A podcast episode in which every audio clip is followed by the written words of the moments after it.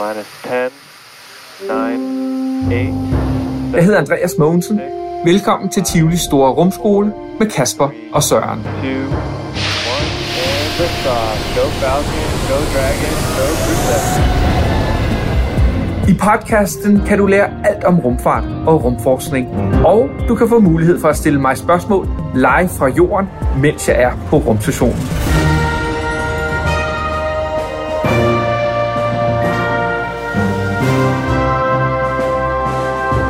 Så er det igen blevet tid til Tivolis store rumskole.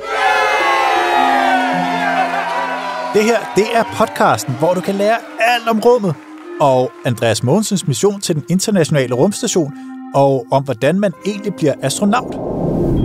Jeg hedder Kasper, Og jeg hedder Søren. og vi to, vi kan jo ikke løbe fra, at vi er kæmpe store rumnørder. Ej, helt sikkert. Og hvis du også er en kæmpe rumnørd, så er der lige et super vigtigt tip her. Du skal tage dine fingre, og så skal du trykke på følg, abonner, subscribe, eller hvad det nu hedder i den podcast-app, hvor du lytter fra. Så får du nemlig besked, når der kommer helt nye, friske episoder af Tivolis store rumskole. Og så er vi jo i rigtig godt selskab med Rasmus Klump. Han er med os her i studiet. Yay! Hej, Rasmus. Rasmus. Og det er han, fordi han også er med Andreas Mogensen op på den internationale rumstation lige nu. Det er nemlig sådan, at Rasmus han elsker at rejse rundt i verden. Det er jo ligesom det, han gør, udforsker nye steder og møder nye kulturer. Og nu har han altså fået chancen for at komme ud i rummet sammen med Andreas Mogensen. Han er også med i det her podcaststudie sammen med os to, Kasper. Men så var han faktisk også med i Tivoli og prøve dæmonen.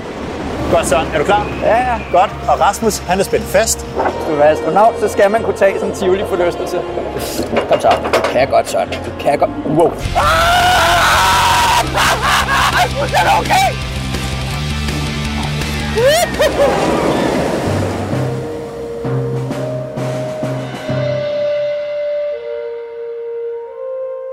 Du kan høre, og så kan du også se hele forsøget senere.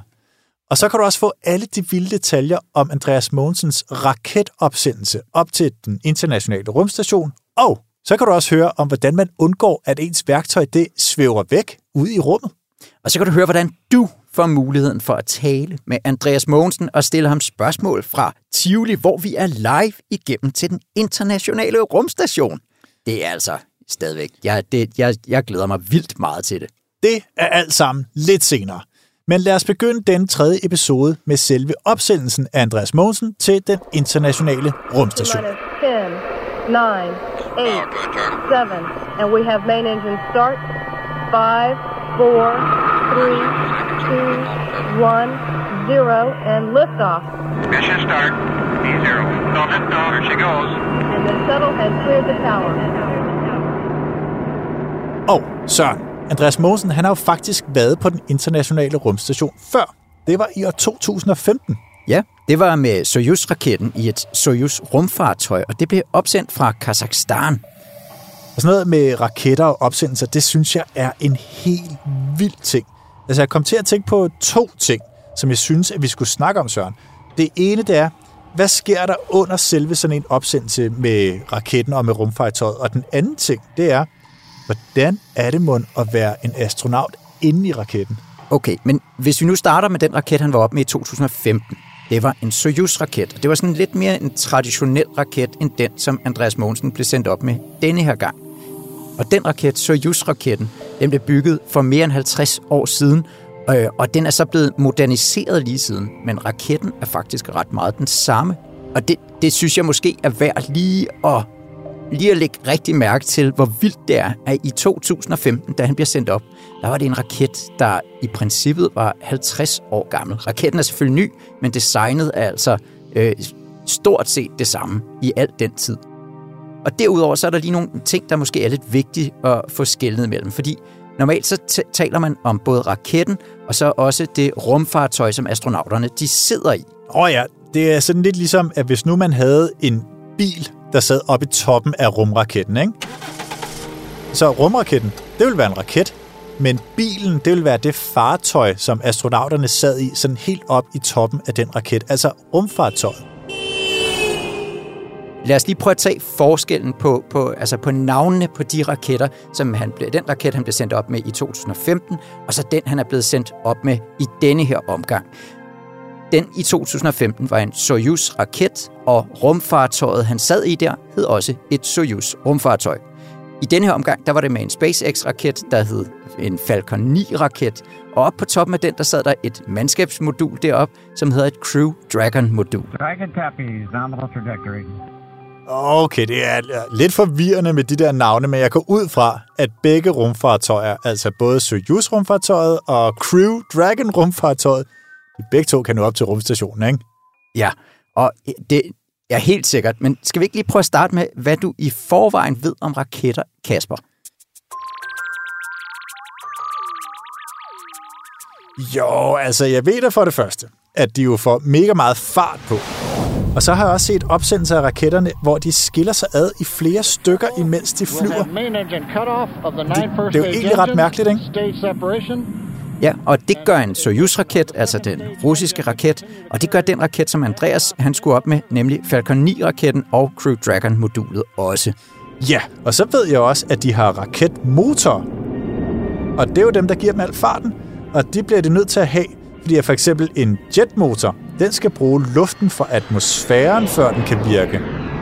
Men sådan er det jo ikke med rumraketter, fordi de skal jo netop flyde ud af atmosfæren. Og en raket, øh, der har man faktisk alt det med, som man skal bruge til at skubbe sig fremad. Den har oxygen, altså ilt, og så har den brændstoffet. Og det er, når man blander de to ting, at der kan ske en forbrænding, og der kan komme ild ud af raketmotoren og skubbe den fremad. En jetmotor på et fly, der, den skubber også faktisk luft bagud, men den har så brændstoffet med, og så er den afhængig af, at der er luft med oxygen, som kan få brændstoffet til at brænde og så skubbe til flyet.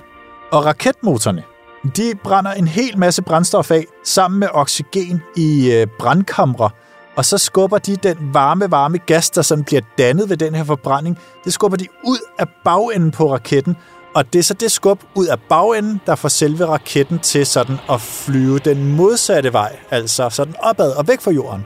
Ja, og jeg synes faktisk, du får sagt nogle virkelig vigtige ting om raketter.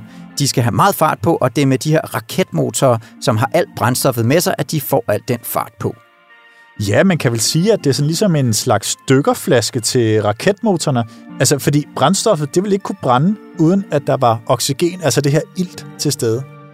Og så kunne man tro, at hvis man gerne ville have super meget fart på, så skulle man bare bygge en kæmpe, kæmpe stor raket, og så var den ligesom klaret. Men sådan er det desværre ikke, for lad os nu sige, at øh, ja, vi tager en situation, som alle kan forstå, du er ude og købe ind med din mor. Okay, det lyder umiddelbart ikke øh, som noget, der er særlig meget med raketter at gøre, Søren. Nej, nej, nej, Kasper, men det er lige meget. Lad det ligge. Din mor, hun er nemlig lige nu ved at købe ind til juleaften, ikke? Og hun skal have mange ting med, og det er ved at være for sent på den lukketid lige om lidt, så de skal, I skal også skynde jer ud af butikken, hvis hun skal nå at betale for det. Så hun bad dig om at køre vognen, mens hun fuldstændig manisk bare hælder ting ned i vognen. Og det går hurtigt, Kasper, ikke? Og vognen, den bliver bare, Kasper, hvad bliver den? Ja, ja det, det bliver sådan tungere og tungere. Altså, hvis hun kaster flere ting ned, dåser og alt muligt mad, så, så bliver den svær at skubbe. ja, ja, ja. Vognen, den bliver tung, og den tunge vogn, den skal du bruge rigtig mange kræfter på at skubbe til. Og hvis vi nu legede af indkøbsvognen, ikke var de mange indkøb, men en raket med brændstof, og du ikke er Kasper, men en raketmotor, så ved du måske, hvor, hvad jeg skal til at sige ja, nu. Ja, ja. Hvis det nu rent faktisk var raketten, så skal den jo bruge raketmotorens kraft til at skubbe raketten og alt brændstoffet. Og hvis nu man har taget brændstof nok med til at nå længere end nogen nogensinde har gjort før, så skal raketmotorerne skubbe hele den store raket med sig hele vejen. Er det det? Ja, så hvis raketten skal komme endnu længere, så bliver den nødt til at skubbe endnu mere brændstof med sig, som den så bliver nødt til at skubbe til, og det bliver så tungere, end det var i forvejen. Så derfor skal du have endnu mere brændstof med, og sådan kan man faktisk nærmest blive ved. Og det er så her, at det bliver rigtig raketagtigt igen. For man har nemlig fundet på en smart, smart ting, nemlig flertrinsraketterne. En flertrinsraket er i princippet bare en masse små raketter, som man har stakket oven på hinanden. Og så alligevel ikke helt. Der er en meget, meget stor raket nede i bunden, og så bliver raketterne mindre og mindre, jo højere op i stakken man kommer. Flere raketter oven på hinanden. Svarer det til flere indkøbsvogne oven på... Det er virkelig svært ved at se, hvordan det skulle hjælpe Søren. Okay, jeg kan godt se, at den er begyndt at blive lidt tung, den her. Men øh, i begyndelsen, der har man jo nogle enormt kraftige motorer. Altså, det er det første trin, der kan skubbe hele raketten i gang. Og det svarer lidt til, at man har en masse venner med til at skubbe indkøbsvognen. Det første trin, det kan så falde af, og så er der kun en meget mindre raket tilbage, som de tilbageværende raketmotorer nemmere kan skubbe til, fordi at de så øh, ikke skal skubbe en lige så tung raket afsted. Nå, ja, okay, det giver mening. Så jo mere man vejer, jo mere skal raketmotorerne også skubbe. Og hvis man deler raketten op i mindre og mindre bidder, så kan hver mindre raket nøjes med at skubbe mindre og mindre, men så stadig få mere og mere fart på. Nemlig. Og sådan virker en Soyuz-raket, og sådan virker den moderne Falcon 9-raket også.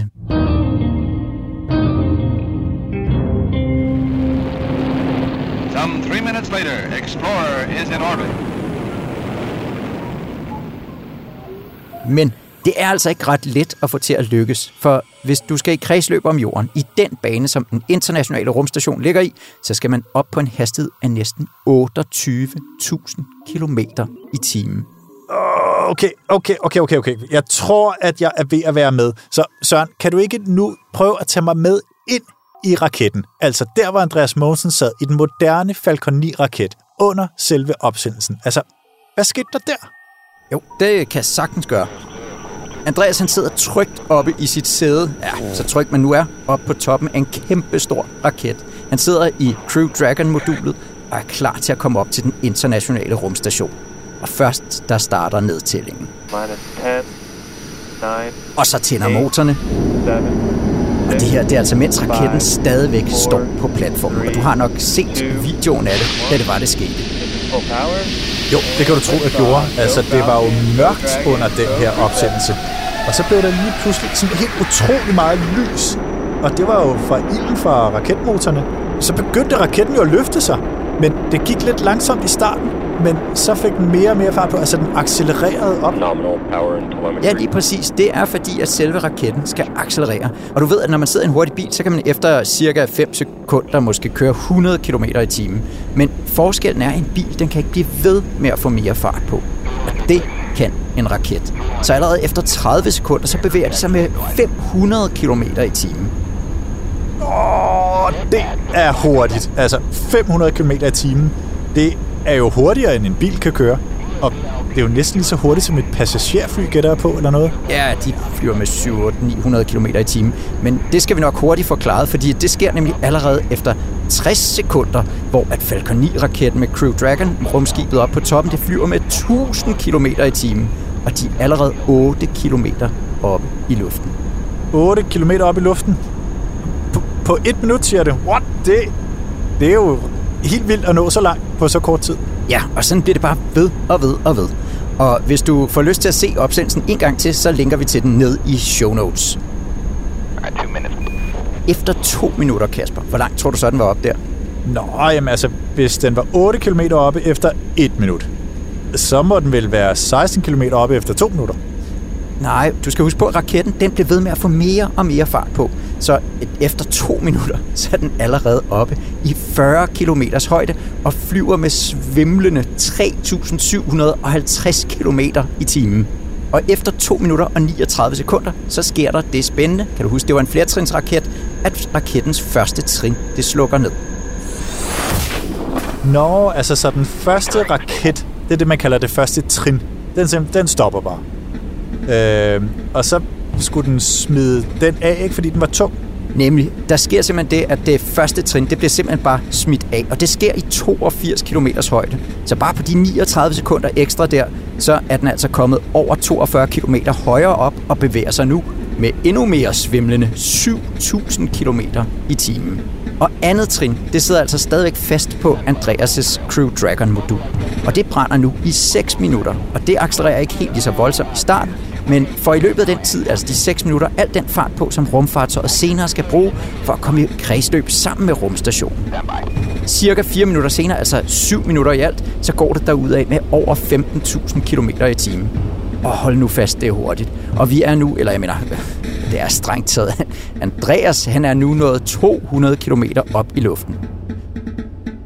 Og der er lige en vigtig ting her, det er, raketten den flyver ikke lige op den flyver sådan med jordens krumning, fordi det er en del af det der med at komme i kredsløb, det er, at man skal nå rundt om jorden. I øvrigt, her omkring, der sker der altså også noget andet vildt. Du har ikke glemt det første trin, har du vel, Kasper? Ja, den har jeg ikke glemt. Eller, ja, måske lidt, men nu du siger det. Det første trin. Øh, hvad skal man med den bagefter? Den, den får folk vel bare i hovedet. Øh, den falder jo ned igen. Skal vi dukke os, eller hvad? Nej, altså i mange gamle raketter, blandt andet Andreas Mogensens tur med Soyuz-raketten, der styrter raketdelen altså første og andet trin ned i sådan nogle ubeboede områder, eller bare ned i vandet. Men nu her, efter 7,5 minut, der har det første trin af SpaceX-raketten Falcon 9 nærmet sig jorden igen. Og den er altså super meget fart på. Den er mere end 17.000 km i timen og er på vej ind i atmosfæren igen for fuld smadret. wow, altså kan den overhovedet tåle det, eller hvad?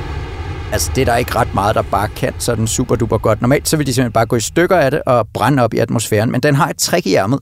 Den tænder nemlig simpelthen lige for sin raketmotor en gang mere. Men denne her gang for at få mindre fart på.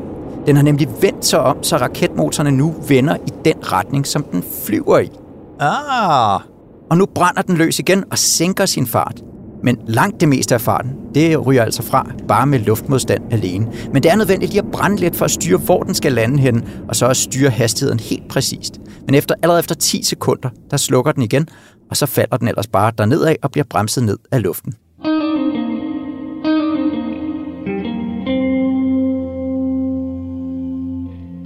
Men Søren, hvad med Andreas? Altså hans rumfartøj. Det sidder jo stadig oven på det andet trin der, ikke? Du har ikke glemt Andreas og det andet trin, vel? Nej, nej, bare rolig. Som sagt, så har vi god tid til at forklare det hele, også bedre tid, end de har under affyringen, for der går det altså hurtigt. Og nu er der nemlig gået næsten 8 minutter. Og Andreas' raketten bevæger sig nu med over 20.000 km i timen, og er nået næsten 200 km op i luften.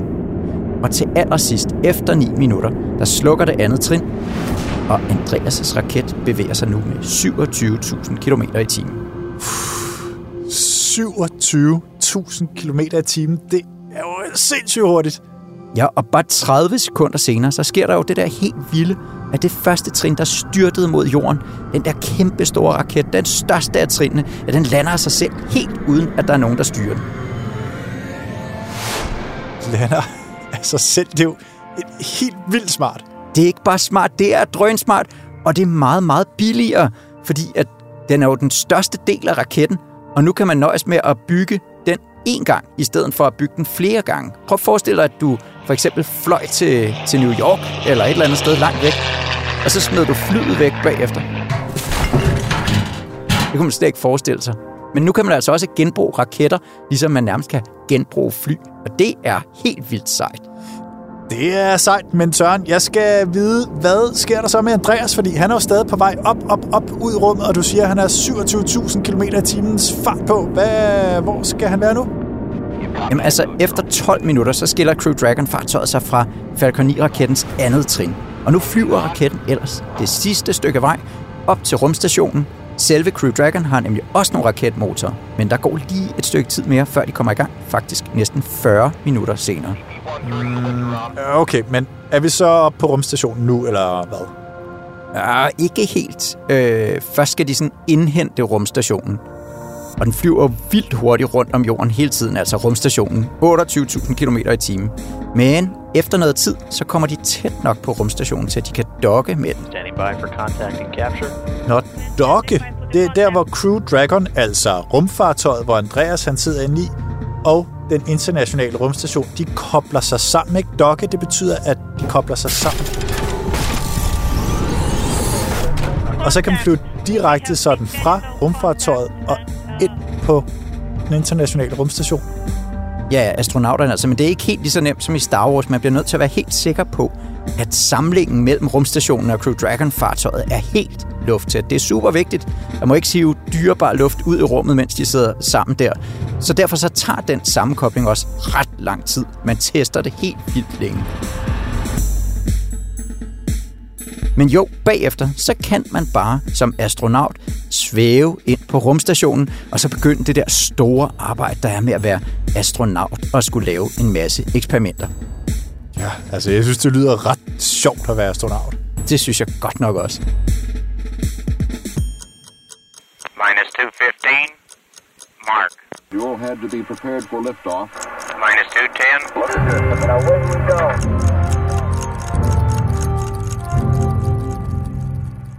Noget af det, astronauter skal igennem, er jo en helt vild påvirkning af kroppen under opsendelsen. Raketten den skal jo have mega meget fart på, så den accelererer også helt vildt. Derfor der bestemte vi os for at teste, om der er nogen steder her på jorden, hvor man bliver udsat for de samme accelerationer som i en rumraket, altså lige så mange G, som man kalder det for. Og det har vi selvfølgelig testet i dæmonen i Tivoli. Og hvis du vil have billeder på, så kan du se videoen fra hele forsøget på Tivolis YouTube-kanal. Du skal bare søge på Tivoli TV. Er du klar? Ja, så tager vi Tivoli.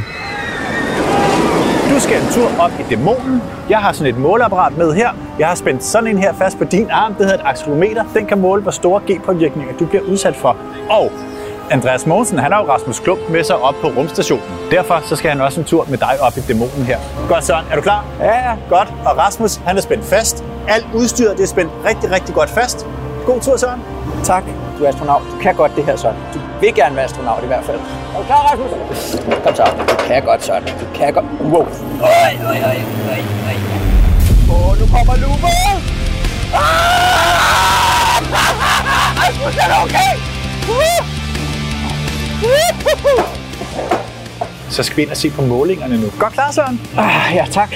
Og godt klaret, Rasmus. Ja, han var god. Jeg er altså rigtig spændt på at se, hvad siger målingerne her? Målingerne siger mindst 4G. Okay, så det vil sige, at en tur i dæmonen her i Tivoli, det svarer faktisk nogenlunde til de G-kræfter, man bliver udsat for i en rumraket. Kortvarigt, ja, så er det fu- fuldstændig sammenligneligt. Er vi astronauter nu?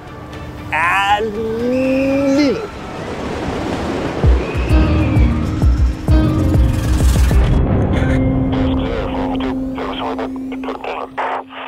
Det, det er jo imponerende, at det er nogenlunde de samme G-kræfter, man oplever i dæmonen i Tivoli, som Andreas han har oplevet på sin uh, rumopsendelse.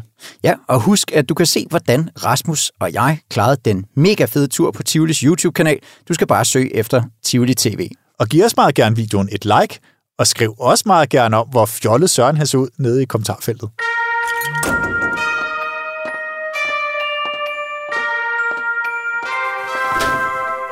Og nu skal vi så til Tivolis store rumbrevkasse. Vi har nemlig samlet en masse spørgsmål sammen fra en masse rumnørder. Og nogle af dem, dem skal vi svare på lige om lidt. Men allerførst, så fortæller vi om noget ret vildt. I november 2023, der stiller vi nemlig direkte om fra Tivolis store rumskole til Andreas Mogensen på den internationale rumstation. Og her kan en håndfuld af virkelig heldige børn stille spørgsmål fra Tivoli, hvor vi er live igennem til den internationale rumstation. Så har du et spørgsmål til Andreas Mogensen, så skal du allerførst sende spørgsmålet i en mail til andreas rumskolen.dk. Og det var andreas rumskolen.dk. Og er det dig, der bliver udvalgt, så får du besked senest den 15. november. Men lad os gå ombord i nogle af de spørgsmål, der allerede er kommet.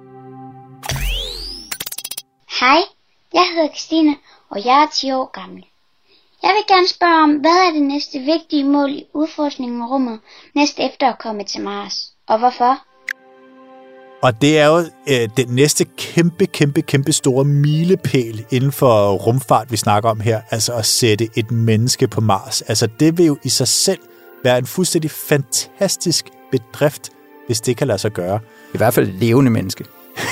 ja, så er det en endnu mere fantastisk bedrift. Og det er jo altså det, som øh, Elon Musk, ham der ejer det her SpaceX-firma, som har lavet Falcon 9-raketten, der har sendt Andreas Mogensen op, det er jo det, der er hans mål. Det er det, der er hans erklærede mål. Det er derfor, han har lavet hele sit rumprogram. Han vil sætte levende mennesker på Mars.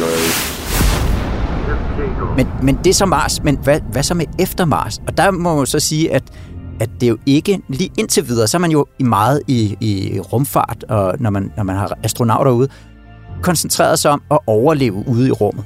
Men man skal vel hen til et sted, når man skal så langt væk på en så lang tur til Mars. Så skal man jo hen til et sted, hvor man ikke bare overlever, men rent faktisk kan leve ude i rummet.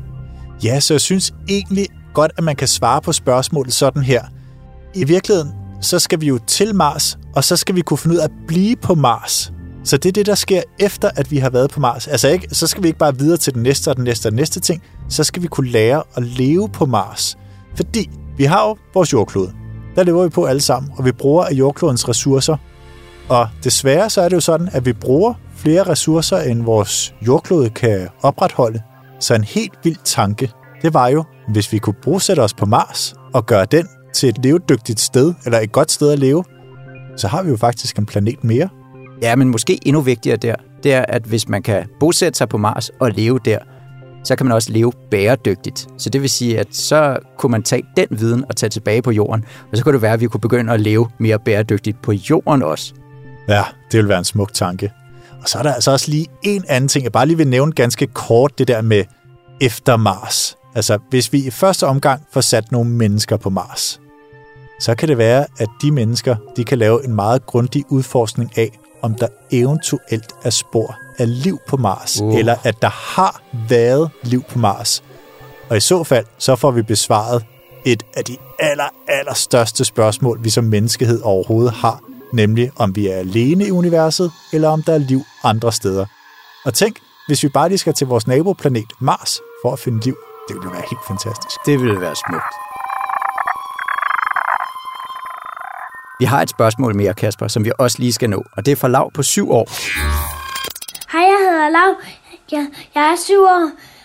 Jeg vil gerne vide, hvor, hvordan går man ud og arbejder med værktøjet ude for en 100 meter robotarm, som, og hvordan øh, holder man styr på det, når det flyver rundt i rummet.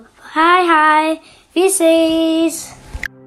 Et højst relevant spørgsmål, fordi nogle gange så er man nødt til at gå ud af rumstationen, hoppe i sin rumdragt, åbne lugen, og så gå udenfor. Det hedder at gå på rumvandring. Og det sker faktisk sådan rimelig hyppigt, at astronauter er nødt til at gøre det, fordi der skal udføres øh, reparationer inde på rumstationen, men nogle gange så skal der også udføres reparationer uden på rumstationen. Der går man på rumvandring, og så har man værktøj med. Der skal man lige huske på, at også uden for rumstationen, der er alting jo vægtløs, og også værktøjet. Så hvis nu, at man lige sådan, det smutter fra en og glider afsted, jamen så er det farvel til værktøjet. Oh, nej. Så Søren, hvad, hvad gør man for at holde styr på det? Altså hvis man lægger mærke til det, man kan faktisk ret tit se rumvandringer på NASA's YouTube-kanal. Der kan man følge med i de her rumvandringer, mens de sker. Og noget af det, som de hele tiden gør, det er, at de, for det første har de hele tiden fat i noget, men de er også hele tiden hægtet på rumstationen med kroge.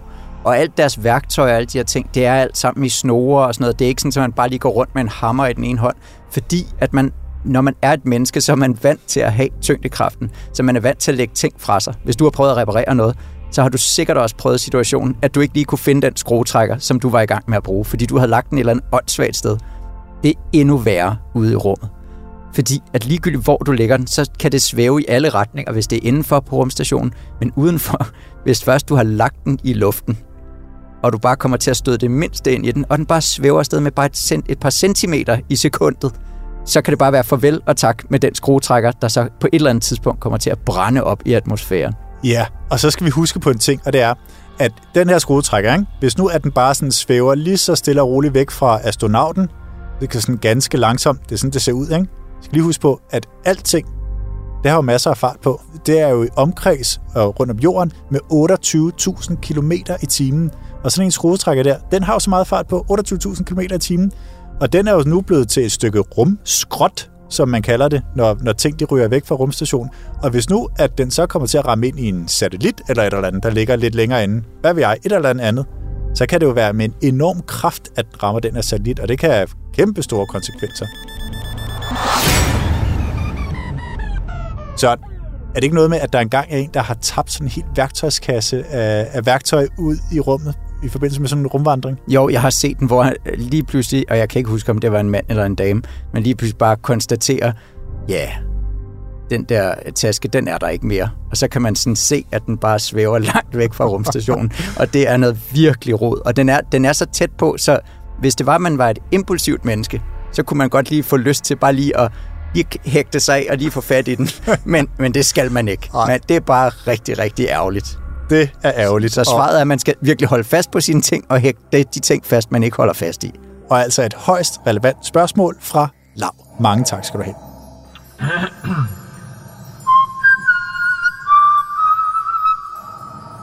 Tak til Mantia Lav for de gode spørgsmål, og som en ekstra tak til jer, så sender vi en super cool Rasmus Klump Bamse og en Hugen Mission plakat med Rasmus Klump og Andreas Mogensen. Det gør vi nemlig til alle, der får et spørgsmål med her i Tivolis store rumskole. Og husk det nu. Har du et spørgsmål til Andreas Mogensen, og kunne du godt tænke dig at stille det til ham fra Tivoli, hvor vi er live igennem til den internationale rumstation, så send spørgsmålet i en mail til andreas Og det var altså andreas og er det dig, der bliver udvalgt, så får du besked senest den 15. november. Det her det var den tredje episode af Tivoli Store Rumskole, hvor vi blandt andet lærte, at raketter de kan nu lande sig selv igen, og at man skal sørge for at holde godt styr på sit værktøj, og at turen op til rumstationen kan sammenlignes med verdens bedste tur i en Tivoli-forlystelse. Det har været simpelthen så sjovt, Søren, at lave den her episode, og det bliver mindst lige så sjovt i den næste episode, hvor du skal lære meget mere om, hvad vægtløshed er. Altså, hvordan det kan være, at astronauterne de kan flyve rundt inde på rumstationen. Husk at trykke abonner, følg eller subscribe i din podcast-app, så du får besked, når vi kommer med en ny episode. Og så må du vildt gerne lige smide en anmeldelse af podcasten, for vi håber så meget på, at du godt kan lide at høre med. Husk også, at du kan se forsøget fra Dæmonen i Tivoli på Tivoli TV på YouTube.